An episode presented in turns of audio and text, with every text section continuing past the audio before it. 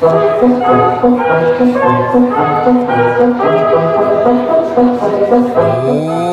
kör vi igen Janko!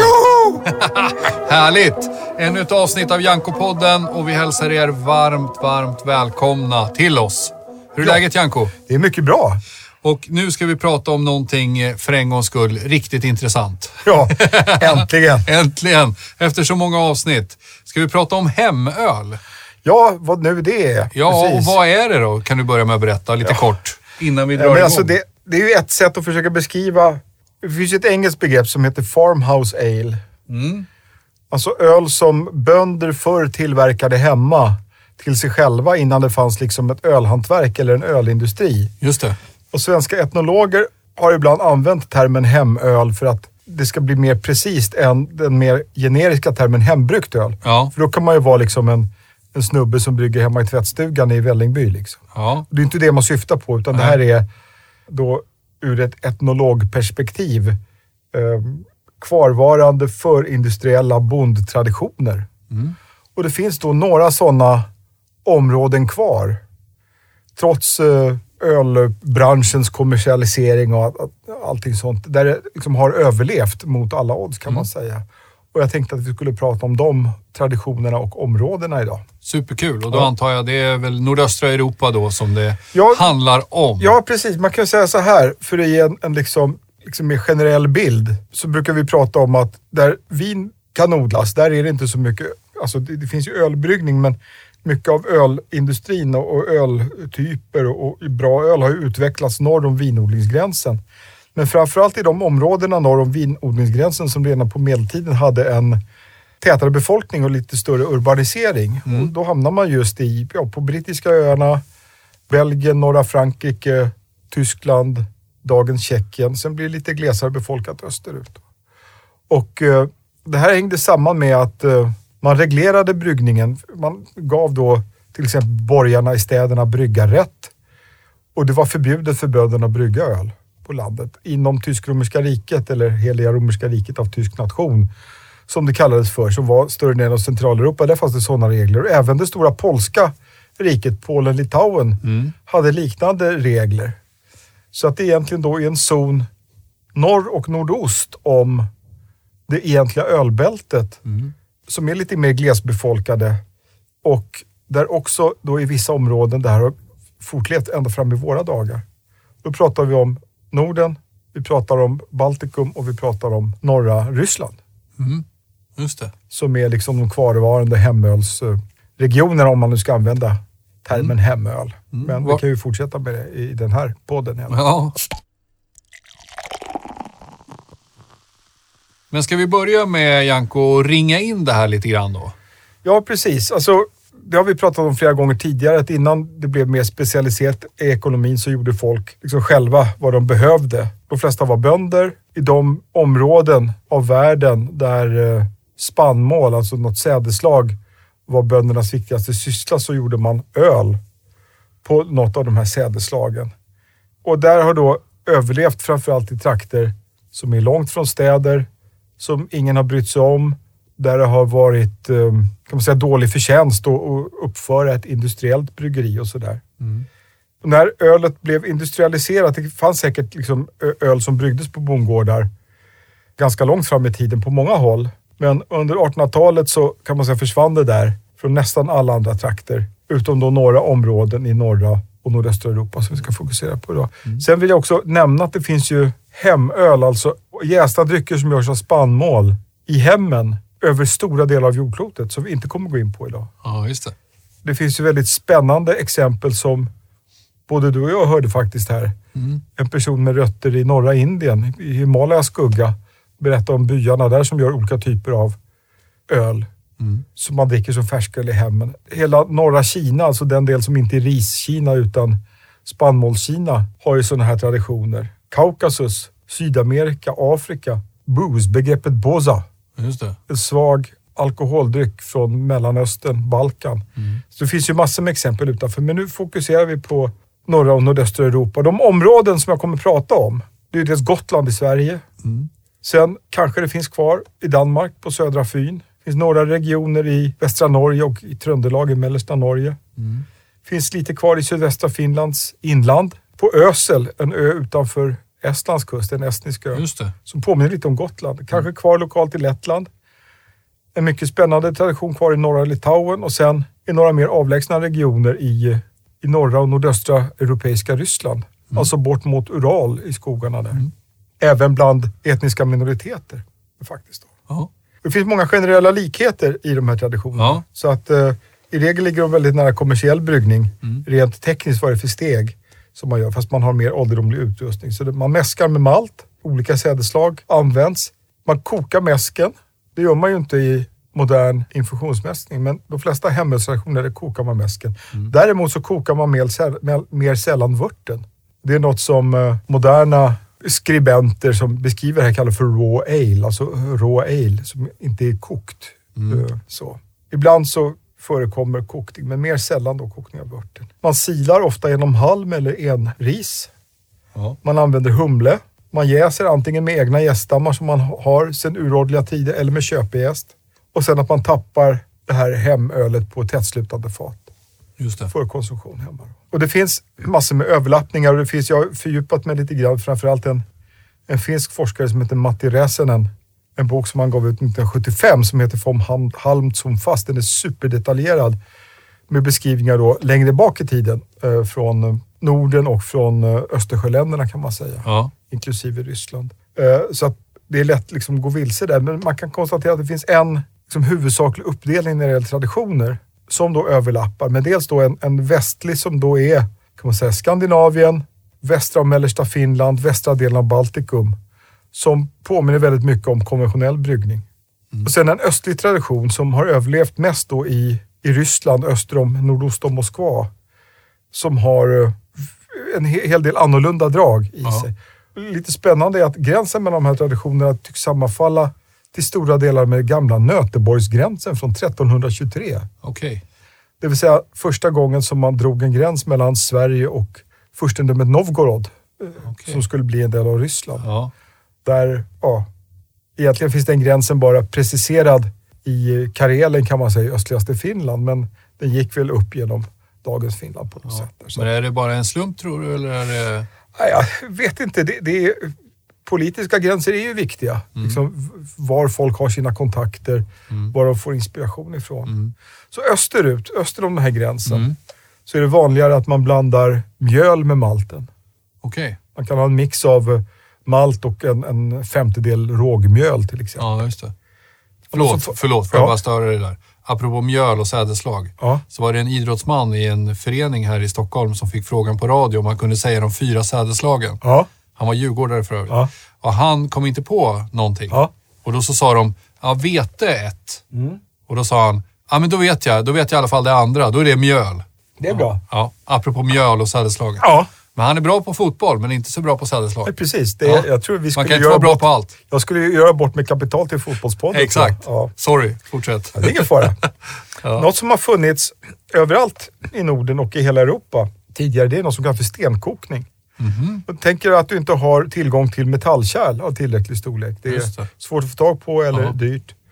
Så kokade man vörten eller värmde vörten genom att stoppa upphettade stenar i vörten. Alltså i en trä. Ja, ja, Då har de en förstår. träbalja. Ja, så, så lägger du ner. Ja. Ja, Och det finns ju kvar som Steinbier just det. fragmentariskt i Tyskland. Men stenkokning fanns i hela norra och östra Europa och det finns kvar mer kan man säga i det här östliga området. Brödmäskning, något som är mest känt idag genom ryssarnas svagdricka kvass, det är att man bakar ett bröd. Sen så blöter man upp brödet i vatten och så blir det mäsk. Mm. Alltså man får liksom kolhydraterna från färdigbakat bröd. Förstår. Men det används också för öl. Och sen framförallt då något som jag tycker är spännande och det som jag tycker är definierande för den östliga hemölstraditionen, det är att man mäskar i lerkrukor i ugn. Ja. Jag ska beskriva lite Ja. mer ingående Men, vad men just det, jag bara fastnar vid det där med, med kärlen och lerkrukor. Jag har förstått att när man, när man pratar om så stora uppfinningar genom, eh, genom historien. Ja. Eh, vi kanske har pratat om det här tidigare, men då nämner man ju ofta så här, men hjulet var Ja. väldigt viktigt och ja, men det finns massor av saker. Mm. Men då var det någon som sa att just kärlet, alltså lerkruset, Precis. var en av de absolut viktigaste Ja. uppfinningarna som har gjort, alltså som har skänkt mänskligheten Ja. så mycket. Och det är intressant när man tänker på det, hur viktigt det är att kunna, kunna forsla vatten, kunna koka saker, Visst. kunna göra Ja, allting. det är uråldrigt. Ja, Det är spännande. Jag tänk, kommer att tänka på vintillverkning i, Kaukasus, i Georgien, där de liksom gräver ner lerkrus i marken. Mm. Apropå lerkärl, en annan, vilket anknyter, det är egentligen samma sak. Mm. Jag har läst någonstans att en sån här underskattad uppfinning, det är väskan. Att när våra stenåldersförfäder kom på att man kunde ha, liksom göra en påse och hänga över axeln, Mm. då kunde du liksom springa ikapp bytet på savannen.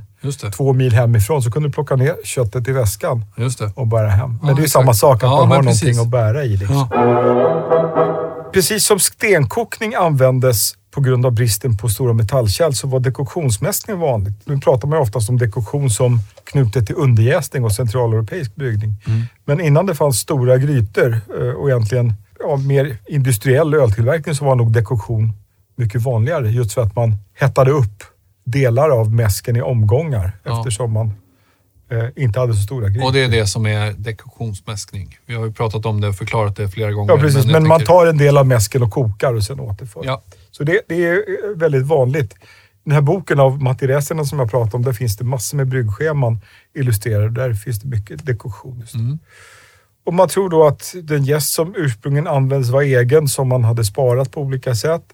Men det har numera blivit allt mer köpgäst. Och en annan sak som har blivit vanligare på olika håll är att man blandar i socker. Det var ganska dyrt förut.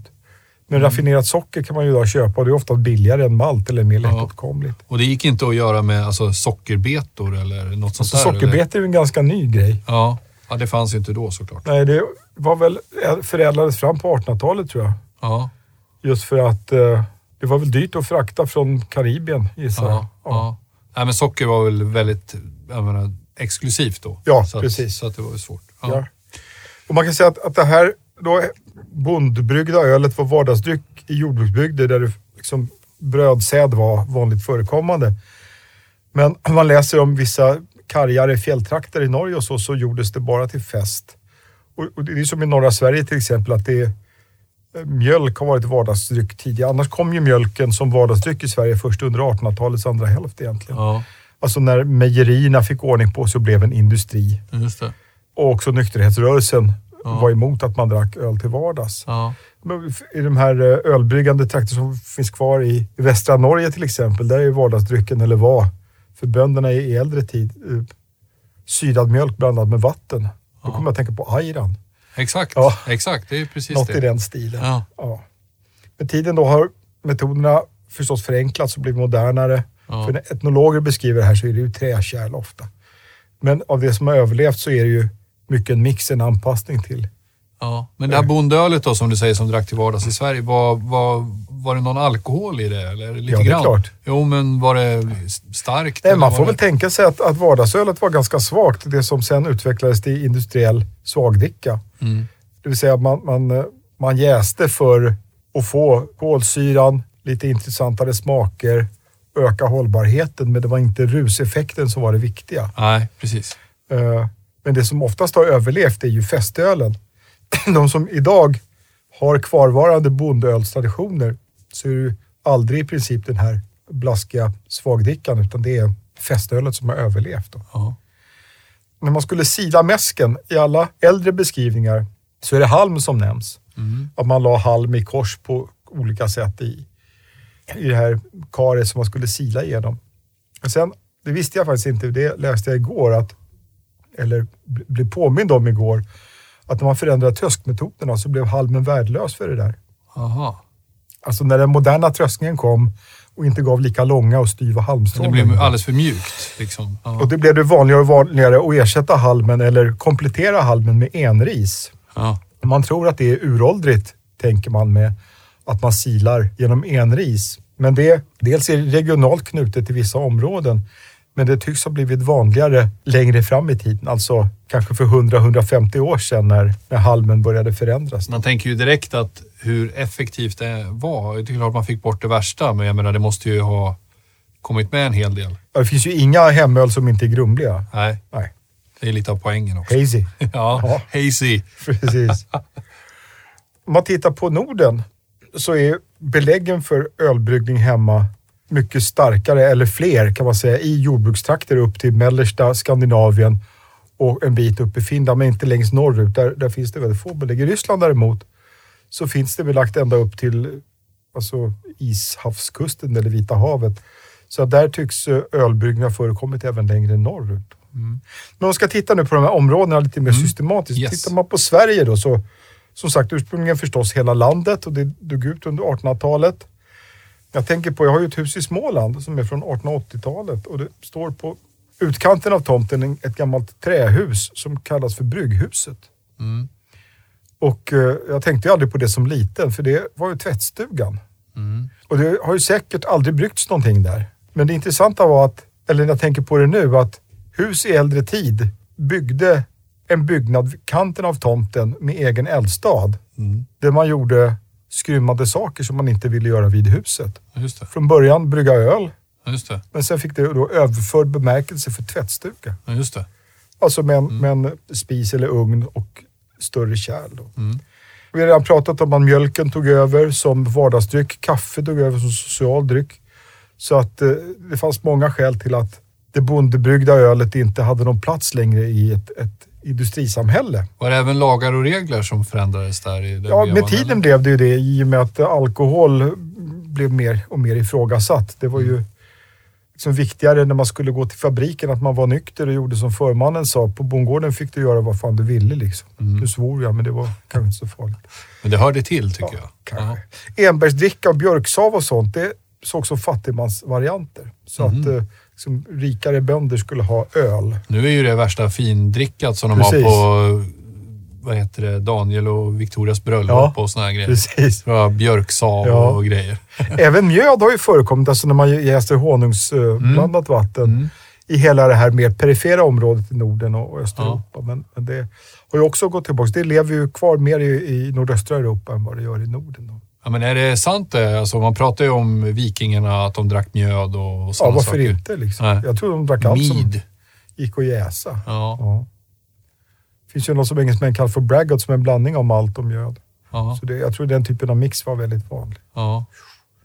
Som sagt, det som finns kvar i Sverige det är ju Gotland och det är ju speciellt, det är ju en, liksom, även om det är ett, ett rikt eh, kulturlandskap, eh, en rik jordbruksbygd, så är det ändå perifert i relation till fastlandssveriges eh, liksom industriella utveckling. Det finns ju eh, kalkbruk och det finns sockerbruk och sånt där, men det är ju ändå liksom en, en eh, väldigt landsbygdspräglad ö. Folk Absolut. röstar fortfarande på Centern och sådana där saker. Ja, det är sant. Ja, ja. Det är ju där och Skaraborg, gamla... Ja. eh, Utanför sockerbråket i Rauma. Ja. Ja. Precis. Mm. Eh, och man kan säga att den del av Gotland där traditionen att obrutet brygga öl hemma, som kallas för Gotlandsdricka, eh, det är sydvästra delen av ön. Mm. Alltså från strax, från mellan Visby och sydpunkten, Mm. mitten Ja. där, längs kusten som går in mot Sverige, liksom. Ja. resten av Sverige söderut. Nu har ju Gotlandsdrickan haft en liten revival så att det bryggs på många ställen. Jag vet inte om den här strukturen gäller fortfarande idag, men när etnologer kartlade det här innan det blev eh, modernt att ta upp det igen, så var det det här som hade, liksom, var kvar som traditionsområde. Om man ska karaktärisera Gotlandsdrickan Ja. så är det då för det första att den malt som används är rökt. Ja. Det finns några kvarnar på Gotland som fortfarande röker malt. Så det är liksom en viktig sensorisk karaktärsgivare. När man mäskar så slår man på inte rent vatten utan enelag. Man kokar alltså en för att få, för att smaksätta. Man vill ha den här en, enbärssmaken. Alltså är det enbär eller är det e man använder?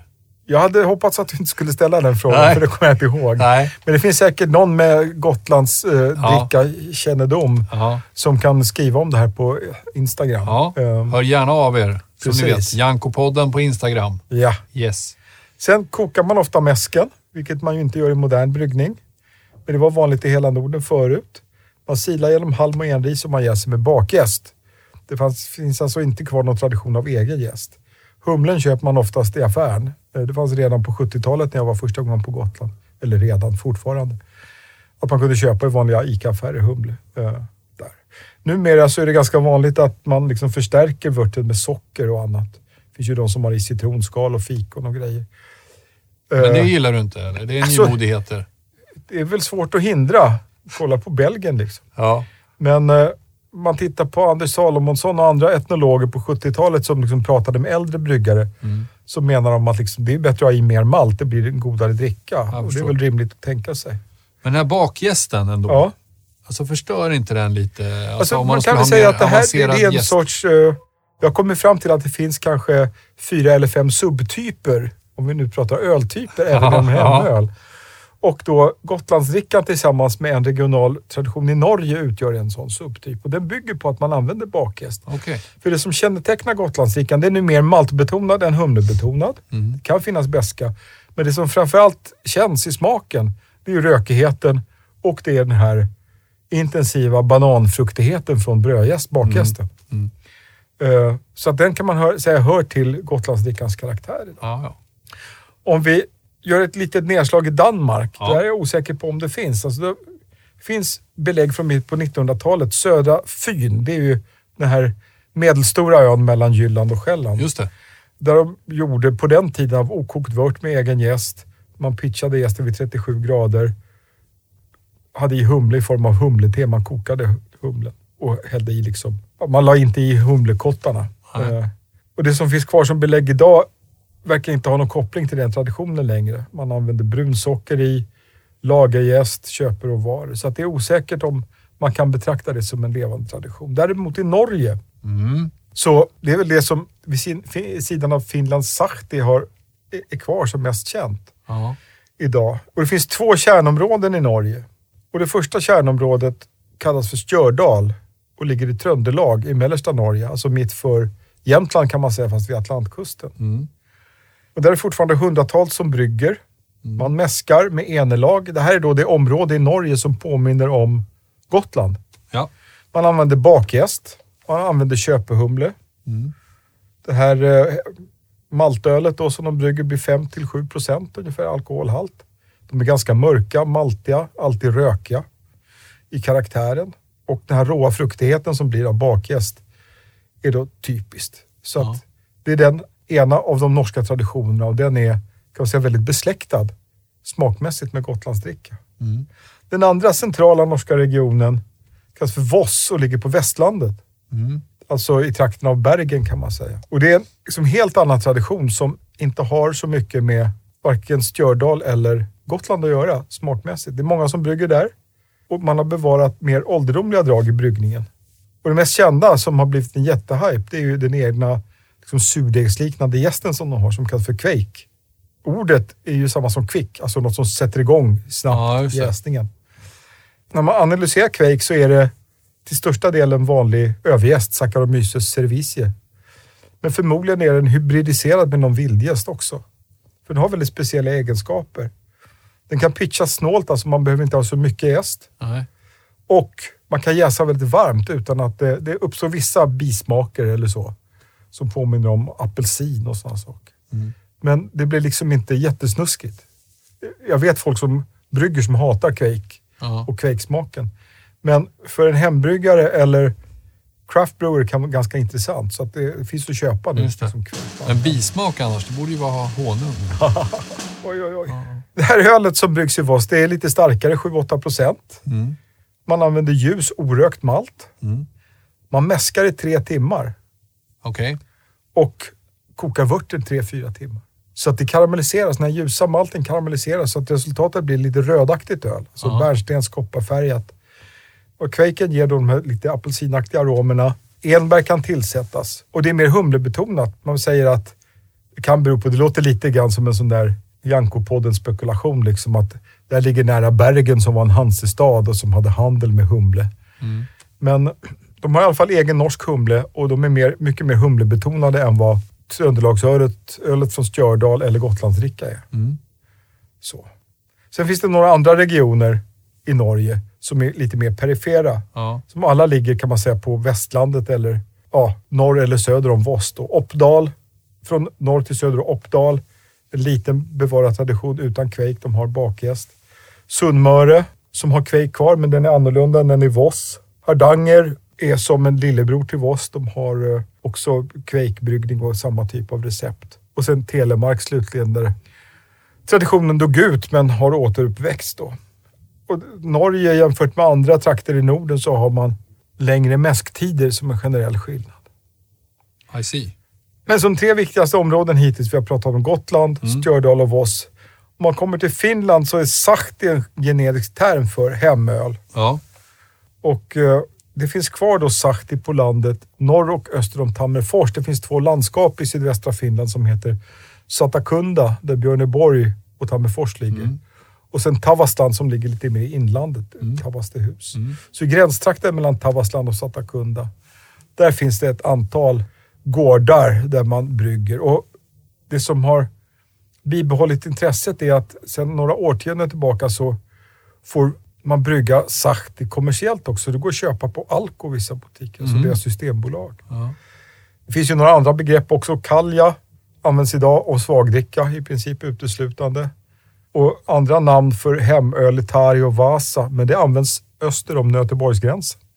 Och syftar alltså till en östligare tradition med mer de här Ja. eh, ryska inslagen med råg, lite gröt eller brödmäskning eller ugnsmäskning som vi ska prata mer om sen. Då. Mm. Men den finns ju inte kvar den traditionen, den finns Nej. belagd etnologiskt. Då. De som gör sahti, de stegmäskar, ibland används enbär. Sahti smakmässigt är maltbetonad, den är rund och frö, fruktig, varken rökig eller besk. Så att den skiljer sig. Om man säger att Stjördal och och Gotland är en tradition, maltig, fruktig, rökig. Voss är en tradition, lite beskare utan rökighet. Så är sahtin kanske lite mindre förfinad som stil, lite grövre. Mm. Med vare sig rökighet eller humle på det sättet. Mm. Och det är precis som eh, i Norge och på Gotland en dryck för festliga tillfällen idag. Mm. Men då ganska känd i och med att det går att köpa. Ja, det känns som man har, har hört utan att riktigt Ja, visst. veta vad... Men jag, sist jag drack Sahti, det var på en krog i centrala Helsingfors liksom, som hade Sahti på fat. Ja, Jättegott. spännande. Estland Ja, har ju samma öst-västliga uppdelning som i Finland, att det finns lite inslag österut med mera råg i malten, medan man i västra Estland har haft kornmalt historiskt. Humle eller pors har haft, använts som krydda. Och Svenskesterna, det bodde en svensk minoritet i skärgården i västra, eller, ja, västra Estland.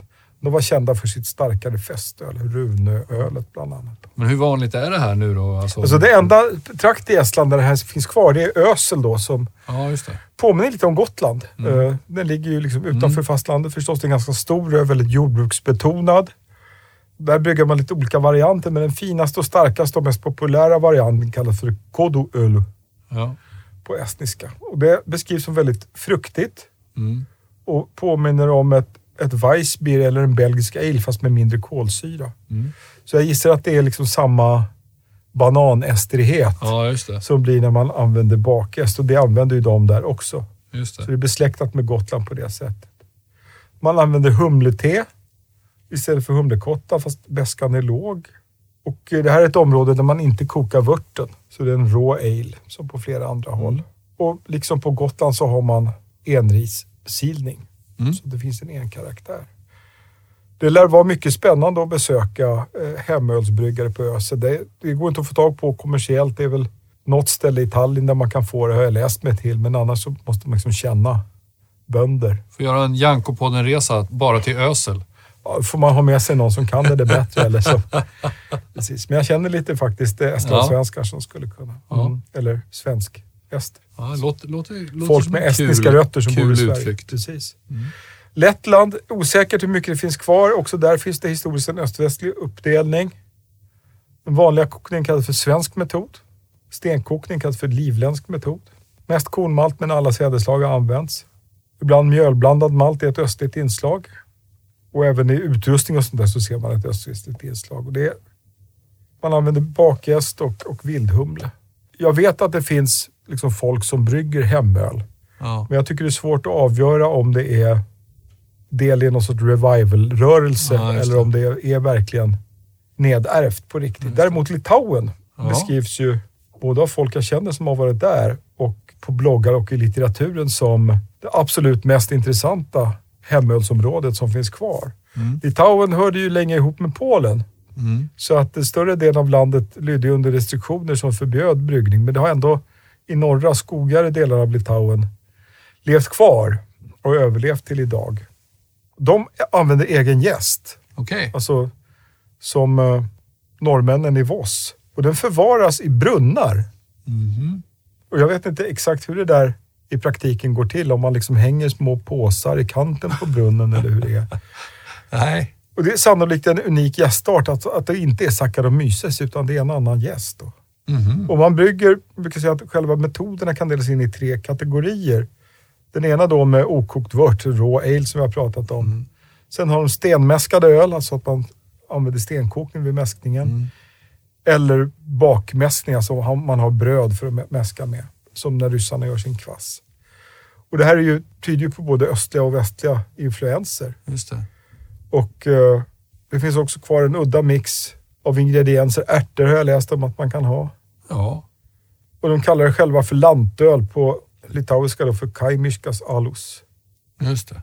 Och precis som i Finland så har det börjat dyka upp kommersiella exempel. Så här menar man är, kan bli riktigt intressant. Mm. Eh, Jag har inte varit där och inte smakat på det, men det, det låter väldigt spännande. Då. Ja. Nu antar jag att vi ska avrunda med Ryssland, Ryssland. och den östliga Ja. metoden, Ja. precis. Och det är ju kärnområde i den östliga traditionen. Ja.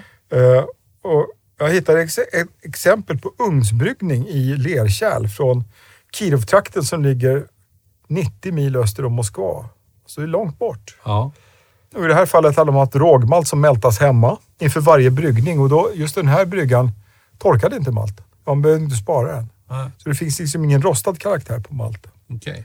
Sen används då en keramikkruka som både mäskkärl och silkar. Det finns ett hål nära botten som är förslutet med en träplugg. Så man fyller den här keramikkrukan med rågmalt och vatten och så stoppar man in den i ugnen och så får den vara där 15 timmar. Om man silar så tappar man det genom hålet eh, och lakar på för att få ut sockret. Och när man mätte temperaturen i den här mäsken vid det här tillfället som jag läste om, då var det 63 grader, det är precis lagom. Förr i tiden så bryggde man i ugn också. Att man eh, försatte vörten med humle och in i ugnen. När man jäser så blandar man jästslurryn med bröd. Pitchar vi 37 grader så får det jäsa en vecka eller lite längre. Men man har bakjäst då som jäsmetod och, själva resultatet blir sött och fruktigt med lite rågarom. Humlen ger ingen karaktär men det kommer strävhet från de här långa mäskningarna som maltskalen släpper ifrån sig garvsyra. Ibland används enbär också. Och det som beskrivs som centralområde för den här östliga bryggtraditionen, det är Tjuvasjen. Okej. Där det bor ett, liksom, en egen folkgrupp som pratar turkiskt språk fast de är kristna. Mhm. Alltså besläktade med tatarerna fast kristna. Och de är ju Rysslands eh, mest ölinriktade region. Det är där humleodlingarna finns bland annat. Det finns spritt bland många grupper där. Och som sagt, jag har nämnt tidigare, men östliga traditionen, det finns rågöl, havreöl, långa mäsktider, ibland ett dygn, bevarad stenkokning, brödmäskning, enris som sil, som på många andra håll. Och många bryggare separerar lakningarna precis som man gjorde här förr i tiden. Så att, eh, ja, lite kort om de eh, skandinaviska, finska, baltiska och ryska kvarvarande. Ja, men superkul och det här skulle man ju vilja grotta ner sig och verkligen få prova. Jag tror man måste åka dit för Ja. att kunna göra det. Ja. Ja. Nej, men superintressant Janko och stort tack och stort tack för att ni lyssnar på oss. Ja, Det är vi så glada för. Så gå gärna in på Instagram på Janko-podden. Vi tackar som vanligt Donadoni och vår häxmästare Per-Erik som hjälper oss att låta smarta. Och eh, som sagt, vi återkommer. Det är både hot och, och ett löfte. Är inte du jävligt sugen nu på hemöl? Jo, Något lite grummigt och rökigt med Ja. bananlukt eller... ja, vi får gå och leta upp det någonstans. Ja, det blir svårt tror jag. Ja, Tack vi gör ett ha. försök. Tack ska du ha. Ja, hej, hej. hej, hej. När man ser på hur barna växer upp och står i kan man undra om barna någonsin får det som vi. Om det finns jobb, om det finns mat, om det är drägligt där de bor. Finns det får och kor och vatten och luft kan de sola sig gratis.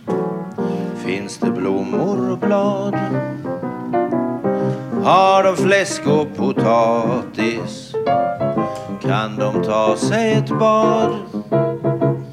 Framtiden verkar dyster när man grubblar över ett glas öl men man hoppas att barna ändå får ett glas öl.